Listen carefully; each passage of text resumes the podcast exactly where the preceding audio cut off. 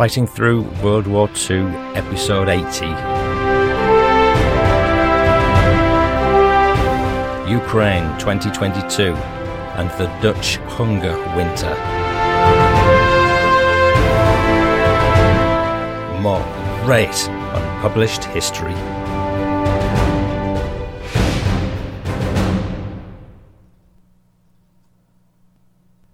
Hello, I'm Paul Cheall, and I wish you a welcome to the Fighting Through Second World War podcast in very challenging times.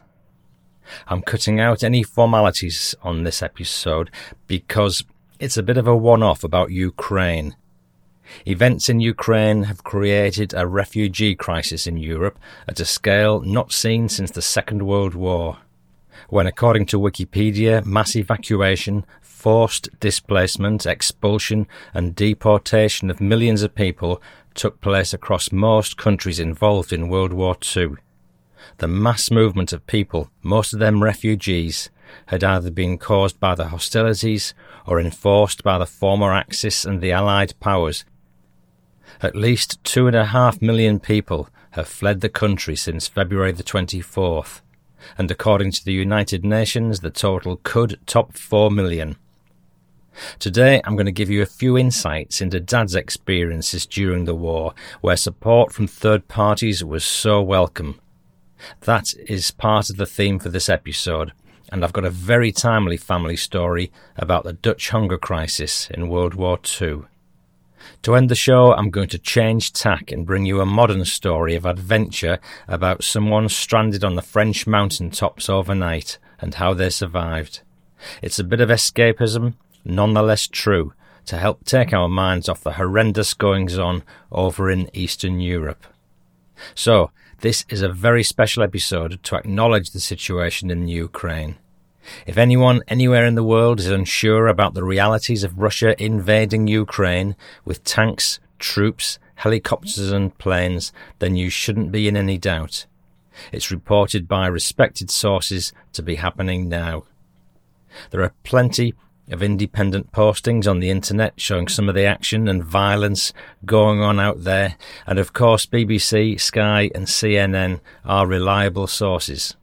And the BBC's newscast and Ukrainecast podcasts are also excellent sources of information and deeper debate. If you want additional insight, you could also check out the latest excellent Economist magazine podcast, March the 7th. Right now, I want to make a plea for you to make a donation to one of the charitable causes which are supporting the millions of refugees streaming out of the Ukraine into the various Baltic countries, majorly Poland, but also Hungary, Slovakia, Estonia, Moldova, and Romania, and increasingly Western Europe. I'm particularly impressed with the Polish nation for being foremost in helping these poor people, taking in over a million refugees. In this podcast, the Poles have featured several times in the past, offering support to prisoners of war. And episode 29 about Brian Asquith is a great example of that. It's about a British POW in Poland and how he survived the war to tell the tale, in no small part due to kindness offered by the Polish people. That's episode 29. I've personally made donations to the Red Cross and the Salvation Army, both of whom are doing work out there, and I'm putting links in the show notes for your convenience if you'd like to do the same. You'll have heard me mention these charities on occasion in previous episodes, and I know Dad in particular held the Salvation Army in high regard.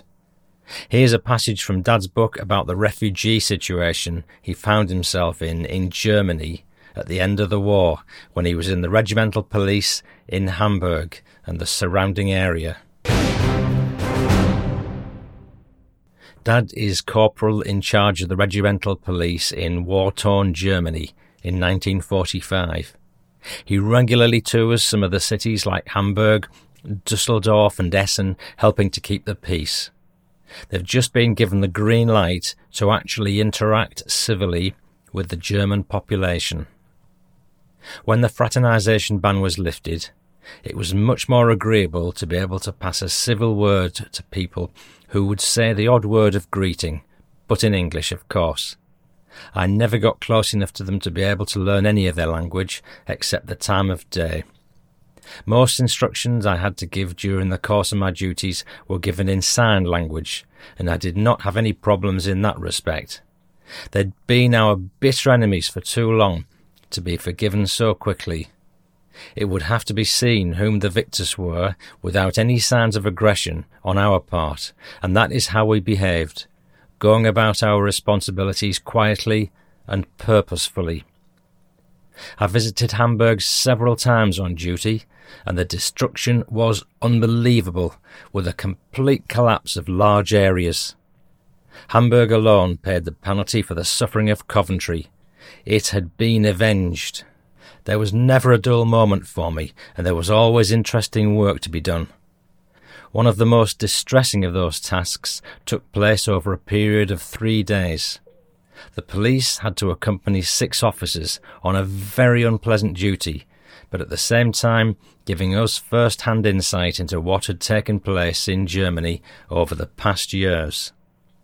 We went to a large field about four miles from our billets, and what we saw had to be seen to be believed. There were literally many thousands of displaced persons standing around, with vacant, hungry looks upon their faces, waiting for somebody to guide them and to tell them what was being done to help them. There were other people, half witted because of their experiences.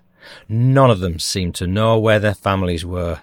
All were undernourished, underclothed, and altogether a tragic sight. Those poor souls had been uprooted from their homes and families forcibly from all over the occupied territories and made to contribute every sinew in their bodies to the German war effort by their forced labour in the factories. We set up trestle tables, and an officer, together with a linguist who spoke several languages, sat at each table. We police had to keep order and organise the poor souls into single file to wait their turn to seek a solution to an extremely difficult problem. It was all done by signs on our part because of the many languages involved, but that was no problem since most of them were docile, being well behaved, and just stood there, wondering what on earth was to happen to them, as if in a trance. I was at a table all day for three days, listening to the very patient officers asking questions, all beyond my comprehension. I thought how marvellous it was to be a linguist, watching those clever men with their voices and signs, trying to get to the bottom of so many problems. The people came from so many different countries, and to me it looked like an impossible task. Those people wanted to return to the homes which they'd been forced to leave, but it was easier said than done. Their minds must have been a torment. It was a monumental task which had to be done as quickly and humanely as possible. But meantime they had to be fed and protected against any one of them who'd gone berserk. We had to show sympathy, kindness, firmness, and above all understanding of the needs of those poor individuals who longed to get back to the folk they had expected to find waiting for them. What a tremendous upheaval of humanity the Nazi regime had brought about in their determination to subjugate the once great nations of Europe. It was a marvel that it was ever sorted out, but for many a poor soul it never would be. Being a witness to what happened over those three days was something I will never forget. But for that heaving mass of tragic humanity who paid the penalty with their mental and physical suffering, it would be an almost unbelievable burden which they'd take to their graves. The Allies did a monumental job here, and the country should be forever grateful. I was pleased I'd joined the regimental police because my duties enabled me to see firsthand the aftermath of the war in Germany, which I would otherwise never have seen or even believed. I also came to realize that not all Germans wanted the war, with all the consequences which had been forced upon them by a ruthless and heartless dictatorship.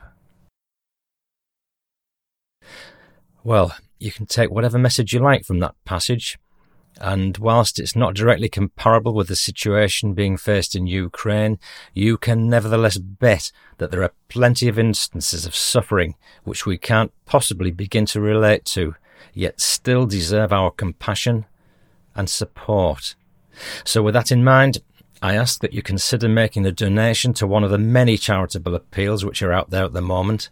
There is a few links in the show notes which will help you, and I'll give you a few details later in the show. And before I forget, I've made a plea before for people to share the show, and uh, I'm grateful for, for some people who've already done that. Um, if it's within your power, please do share this show to anybody you know. I wasn't going to share any family stories in this episode because I was trying to keep it focused. Um, I wasn't going to do any until a serendipitous email I had from Bus from Amsterdam came in about the Dutch hunger winter during World War II.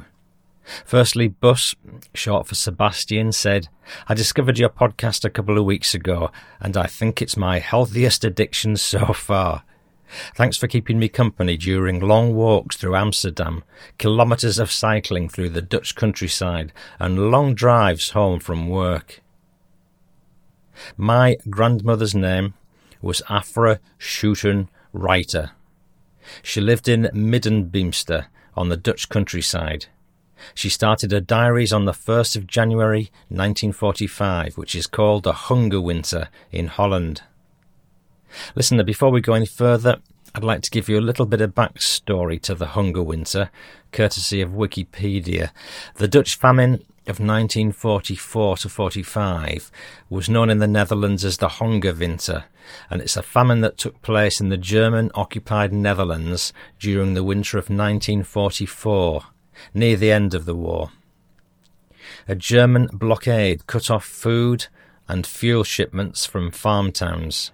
Some four and a half million people were affected and survived thanks to soup kitchens, and there were roughly 20,000 deaths. The famine was alleviated by the liberation of the provinces by the Allies in May 1945. Prior to that, baked bread from flour was shipped in from Sweden, and there was an airlift of food by the Royal Air Force, the Royal Canadian Air Force, and the United States Army Air Force. Under an agreement with the Germans that if the Germans did not shoot at the Mercy flights, the Allies would not bomb the German positions. All this helped to mitigate the famine. Do you know, I can't believe the coincidences in these stories. Um, these were Operations Manna and Chowhound, and Operation Faust also trucked in food to the province. Bus continues. My grandmother writes about her beloved uncle Jan Reiter and his son Joris, who were taken by the Nazis.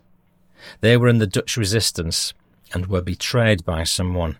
They were eventually shot in the Dutch dunes on the infamous Waalsdorpervlakte, where a lot of Dutch people were shot. My grandmother made sandwiches for people who'd walked all the way from Amsterdam, 40 kilometres, to get some food for their children at home because there was none in the city. She writes about a friend taken to labour camps, with some returning, but some didn't. She wrote a passage on the liberation as well, the parties, the Canadians entering town, and the traitors being walked through the village. At one point, there's a young German soldier trying to flirt with her when she was knitting socks on the steps at the front door of the house. And she writes something about him having to F off and giving him the good old finger.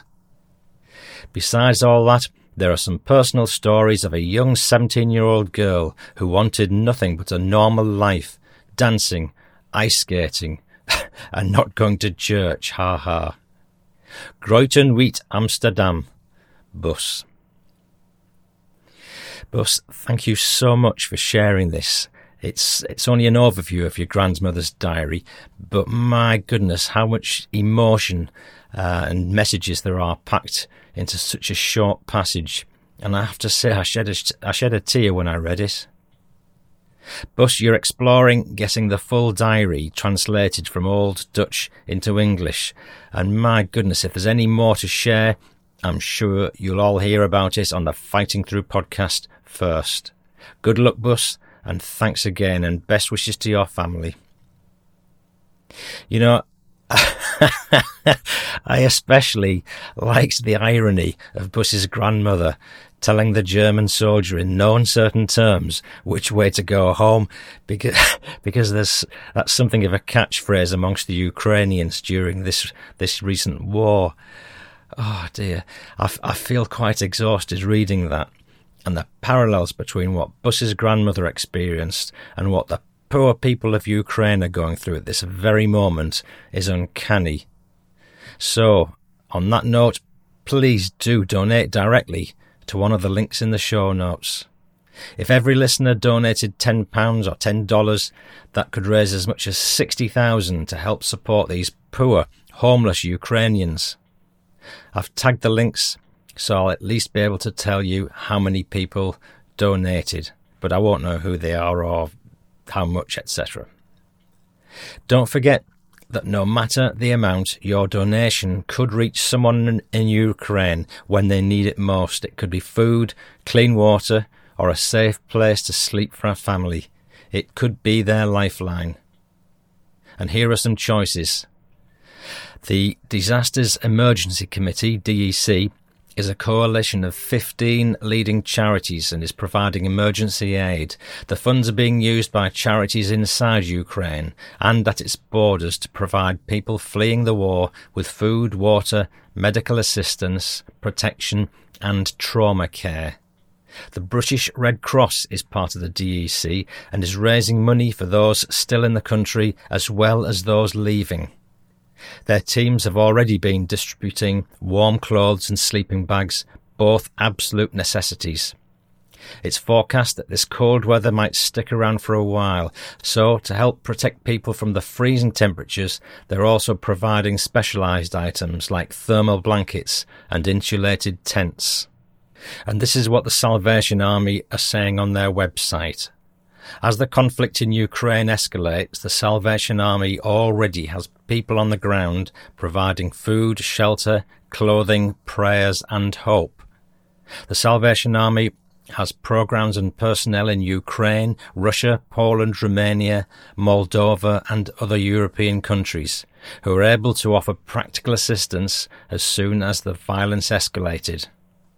Some rushed to the border of Ukraine to hand out urgent provisions, while others made arrangements to offer support to Ukraine's people seeking shelter in their country. In particular, the Salvation Army's response includes Romania has formed an emergency team, filled the car with essential items, and travelled to the border to offer support. Moldova will provide free assistance to Ukraine's displaced people, including temporary accommodation, hot meals and drinks, access to Wi-Fi, and other necessary items. Poland is preparing relief parcels for Ukrainian people coming into the country.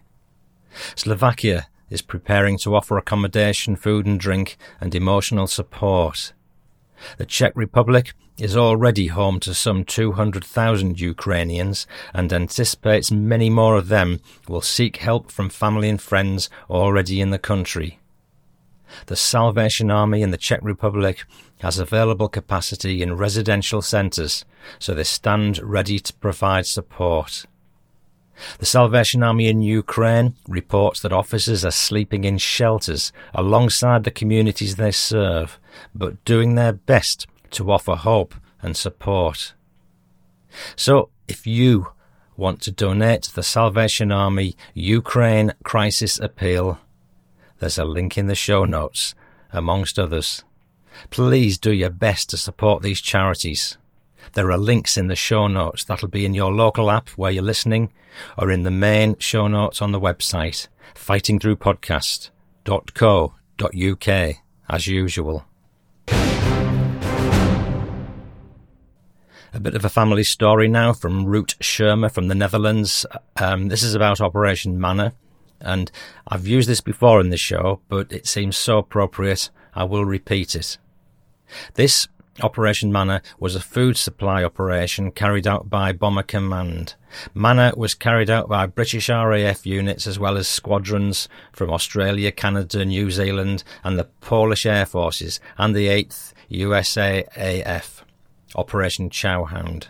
The winter of 1944 to 45 had left the Dutch starved, and many died of cold and lack of food, especially in the cities.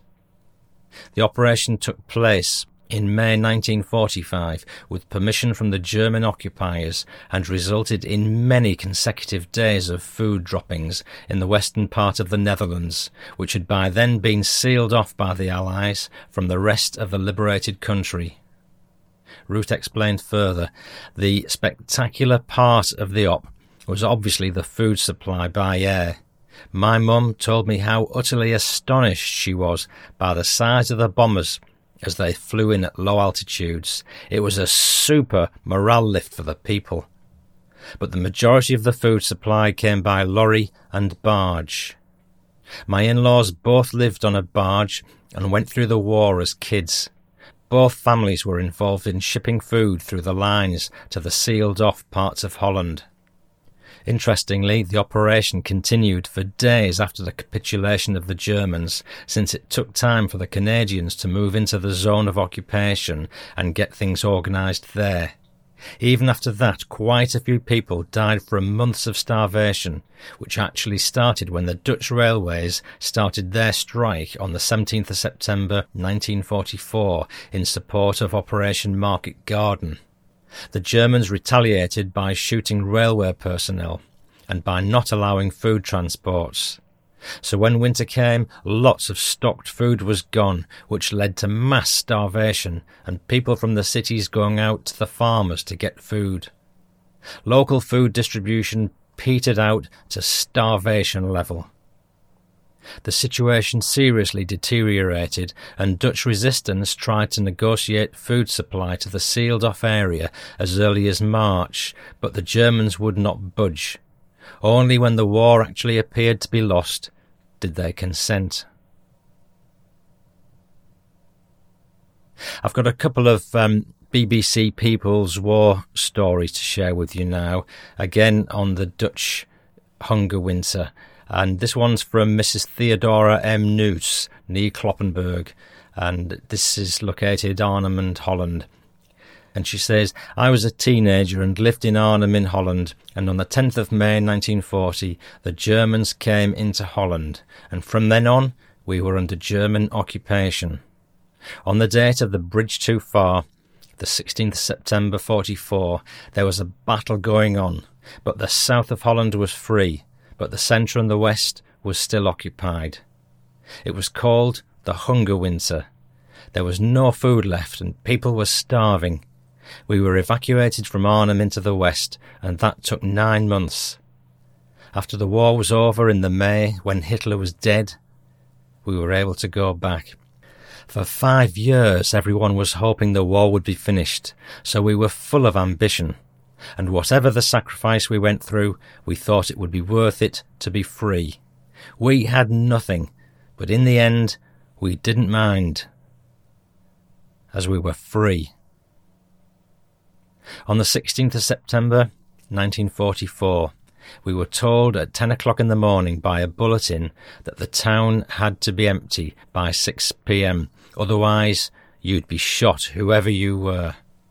My mother couldn't walk, as she was an invalid, and it was hard getting out as the Germans took everything, bikes and cars.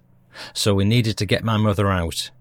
We went to the greengrocer's and got a wheelbarrow and took her out that way. We had to walk seven miles and stayed with friends just outside of Arnhem. After a fortnight, more bulletins went up, and the evacuees were told to leave. So for three days we walked to the west, and along the way we had to sleep on floors in factories.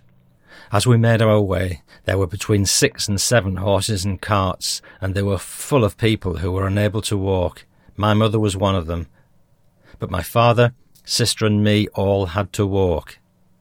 Planes came above us thinking we were a German convoy, but we waved our white flags at them, and then they realised we were evacuees.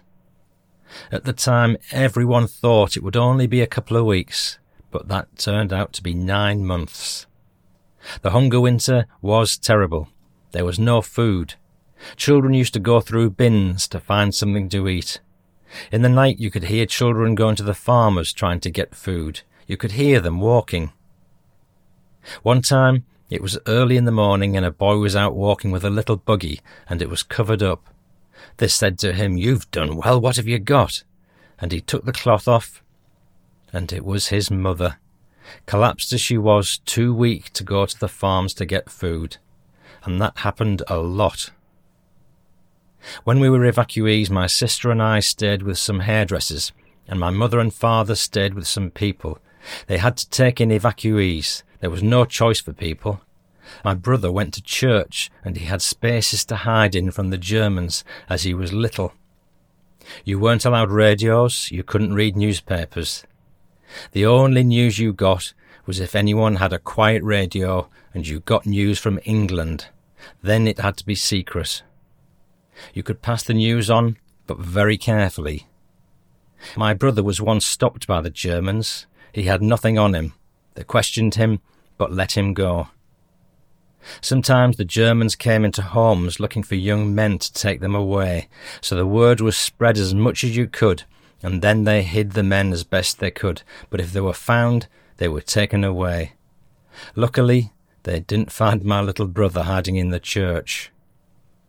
My brother-in-law was taken by the Germans and asked why he wasn't working for them.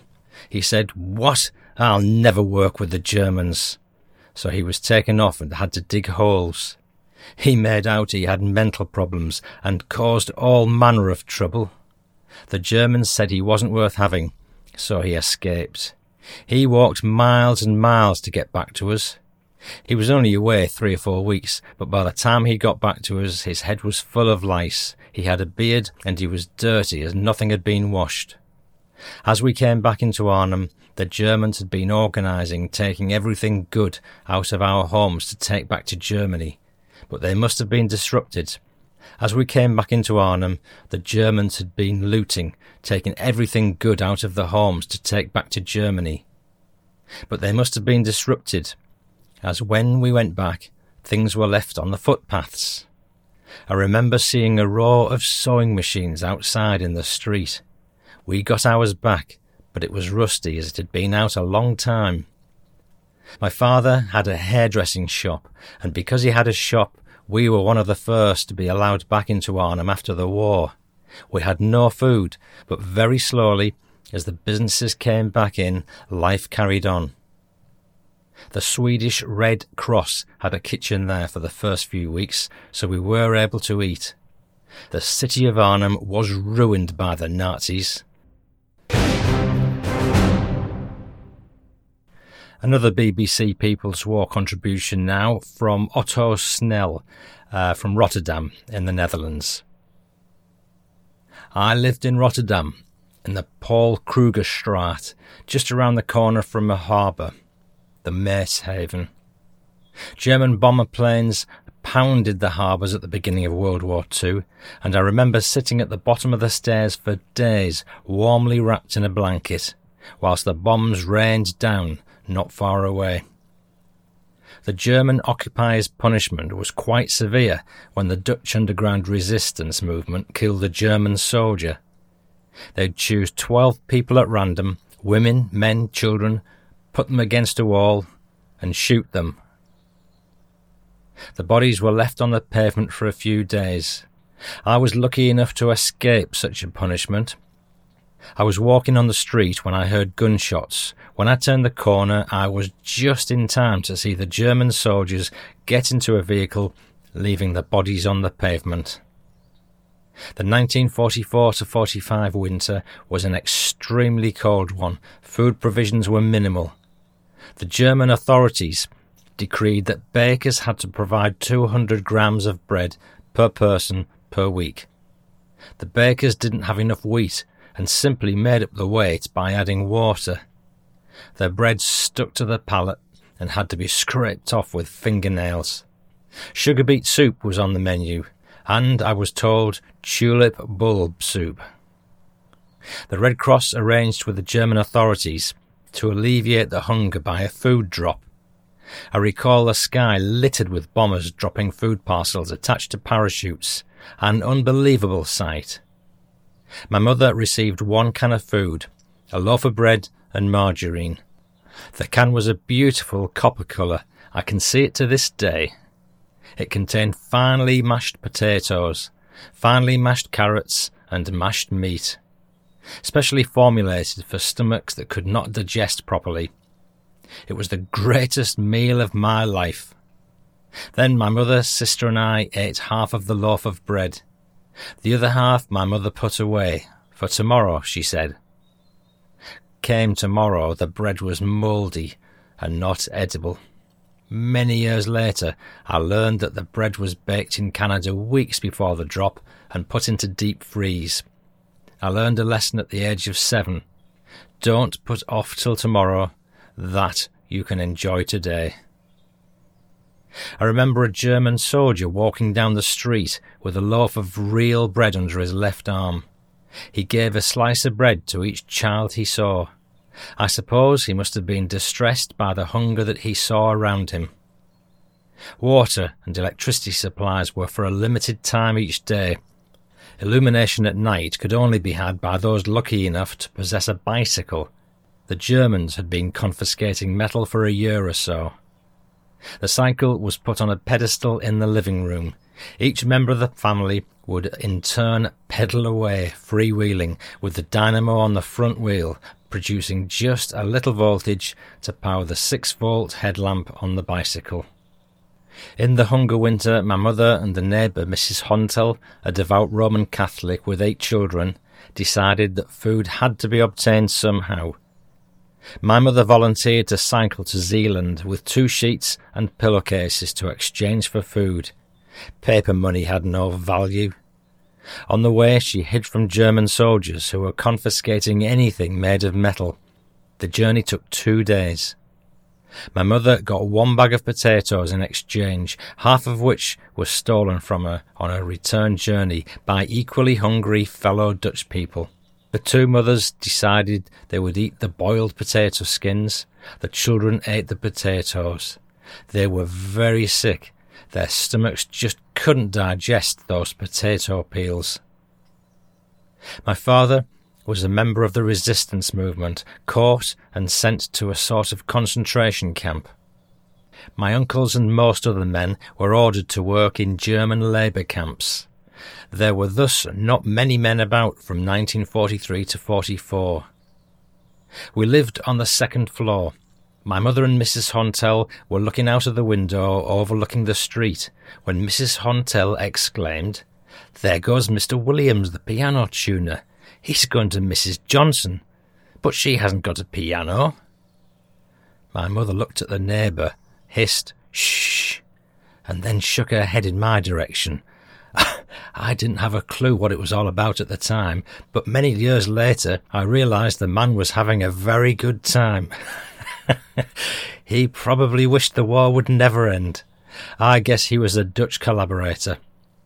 On Liberation Day, 5th of May, 1945, his head would have been shaven clean and a swastika painted on it. On my father's return, he received a letter thanking him for his contribution to the resistance movement. It was a printed letter, simply addressed to Dear Sir, with the printed signature of Prince Bernhard of German descent, husband of Juliana, both of whom spent most of the war years in Canada. My father was extremely angered by the callous letter. He tore it up, proclaiming, I'd never do it again if that's what they think of what I've been through. It was the one and only time I saw him in anger. He never spoke of the war again.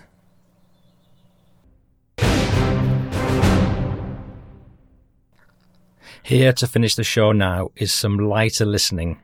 Nothing to do with war or fighting and famine, although the hero of the story did get quite peckish at one point. This is a super story of adventure in the French Alps about an ordinary guy I once met who'd had the most extraordinary experience of surviving up a snowy, freezing cold mountain overnight. I met Mike Still on a skiing trip years ago, and here's his incredible story. This is one man's story of survival in the Alps, or avoiding a wipeout in a whiteout, by Mike Still. It isn't much of an excuse, but I probably would never have begun that crazy skiing journey if the lift man high in the French Savoie Three Valleys Mountains had not urged me on. Oui, Mottaret, direct, là. Yes, it's that way. He pointed through the whiteout to a checkered pole marking the start, and only the start, of a far from easy off-piste route to Mottaret, part of Meribel.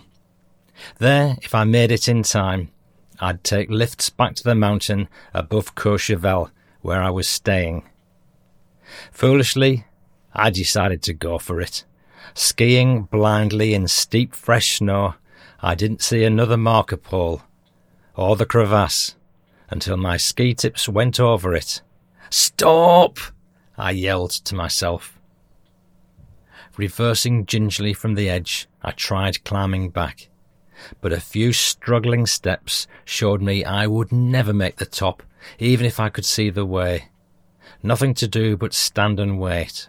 Surely the ski patrol would come down soon, at the end of the day. No, of course, this was off piste and unpatrolled. I remembered listening to a man who liked to go off into the Cairngorms digging snow caves for the nights, but I quickly dismissed that thought and went on peering into the blankness, imagining the swish of approaching skis. But nobody came and half an hour later I knew that nobody would. By then all lifts had stopped running. There were two options. Ski on blindly to Mottaret and hope to hitch or get a taxi to Courchevel, about 20 kilometres. Or dig a snow cave and hope to survive the increasing cold until the weather cleared. A tall order at some 2,400 metres. The first was obviously suicidal. The second was ridiculous, but certainly possible. Alternatively, there was the chance that someone, somewhere, might hear if I shouted loudly. But the only reply was my echoing bad French and the low pitched moan of a northwest wind. That was when I shivered. More to warm myself than anything else, I drew a straight line across the slope facing the wind-driven snowflakes. I then removed my skis and using one as a spade, drove it vertically into the line. Repeating the process, I dug out slabs of firm snow until I was standing on a flat area, facing a wall a metre or more high. I was out of the wind. Next I marked an arch on the wall, a structure this shape would be less likely than a square one to collapse on me. I dug non-stop until the cavern was more than a metre long. It was now 7.30 p.m., less than an hour to dark, I guessed. I lay down inside and found that my legs, even drawn up, remained outside. Digging in further would mean long, slow manoeuvring in dumping the snow blocks. Besides, the thought of being completely immured was appalling. The remaining part of the cave would be an igloo, I decided. Outside, shivering violently, I propped my two metre skis at an angle from roof to ground as far out as possible and dug them in. Across the skis, I laid the poles, burying the ends in the snow banks on either side. I wanted to leave an entrance low at the front, but I needed to build up snow blocks from there. No time for clever design thinking. The whiteout was turning grey, and it was now much colder at sundown. So I stood up through the framework and stacked snow blocks from the front and side banks. They seemed to fit like a jigsaw. The final hole was a problem, as I hadn't left a big enough block within reach but I partially closed it with my empty backpack once I was squatting inside. And that was when, quite suddenly, darkness fell. Spring skiing can often mean rain. I'd brought a plastic mat for low level walking. I lay on it in my room in Col de la Chambre. The relative warmth quickly left me, and I shivered in unrelieved spasms. The snow cave man had stressed the importance of routine exercise. After some experimentation, I found a position that worked. But first, I lay on my back and drummed my heels. This warmed my legs, but torso and arms shivered. So, with knees drawn up, wet gloved hands clamped in armpits, I emulated a straight jacketed escapologist. I knew this routine would be non stop for the duration. Sleep was out. It was now dinner time. Strangely, I felt no hunger, though it was eight hours since I'd last eaten two rolls and an apple. I'd kept a can of lager, and I was thirsty, but it needed warming inside my anorak because it had frozen solid. I speculated upon the reaction in the chalet in Courchevel. Had the chalet girl rung the police, who'd rung the ski patrol? Wasn't that the hum of a snowcat coming up the mountain, powerful lamps perhaps seeking me out? I stood up and peered into the darkness, but there was only the cutting wind's moan and the patter of hard little snowflakes. I found the movement the most warming yet, though I couldn't withstand the cold for more than two minutes. So I alternated indoor exercises with lookout spells every ten minutes. It was about 2 a.m. when I saw the first star. Climbing through the lookout hole, I saw the silhouette of a mountain too. Eerie, diffused light poured up the valley behind it. I knew they must have come up from Mottaret. Then complete darkness again. No, not quite. The stars remained, perhaps enough light to venture walking. I knew that moving out would, when I removed the skis, destroy half my shelter. So I waited another five minutes to be more sure of a lasting clearance before loading my backpack and kicking the igloo out from within. Walking was painfully slow, and I sank thigh deep at almost every step, but I could see quite well now, though not well enough to discern if there were any ski tracks to follow. I put on my skis and was surprised to find that they stuck to the snow. Iced up from the igloo, they had to be pushed, even straight down the fall line. Poking the snow ahead before each step for sudden drops, I made slow, safe progress until, as the ice came off, I began to pick up speed down a steepening gradient. I made two short swings and stopped at a cliff edge. I stood in a cleft between two knolls. In front of me, beneath a drop neither the depth nor gradient of which I could discern, lay a smooth white expanse. I thought that if I could reach that, it would be easy skiing to Mottaret. Teetering momentarily, I all but started down towards the snowfield, but I thought better of it and clambered back. Then I saw a hut on one of the knolls. The hut was locked. Frozen banks of snow blocked the narrow balcony. I hacked out a level area close to the woodwork and lay down on my upturned skis, my plastic mac over me, hoping it wouldn't be too long to daybreak. It was 3 a.m. The Milky Way, occupying what seemed a quarter of the sky, was itself blurred by literally clouds of planets and stars. There was almost constant movement. Comets darted incessantly, sometimes for huge distances. Others came and went in an eye blink. The sleep that followed was never without an acute awareness of shivering. At 5 a.m., the rising sun shone straight into my eyes.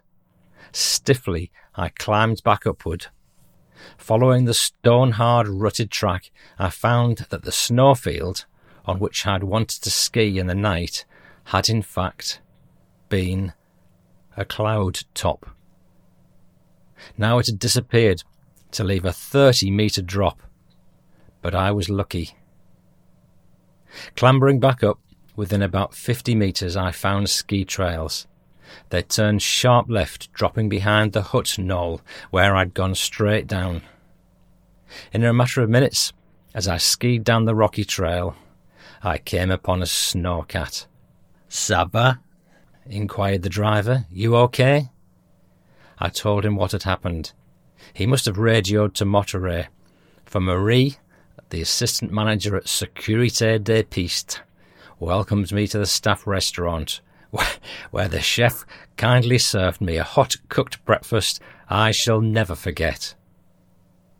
To make a fool's reward complete, I was given a gleaming Three Valleys badge and informed that the previous season four other skiers, stupid enough to venture out alone and without a guide, had not been as lucky. Mike Still.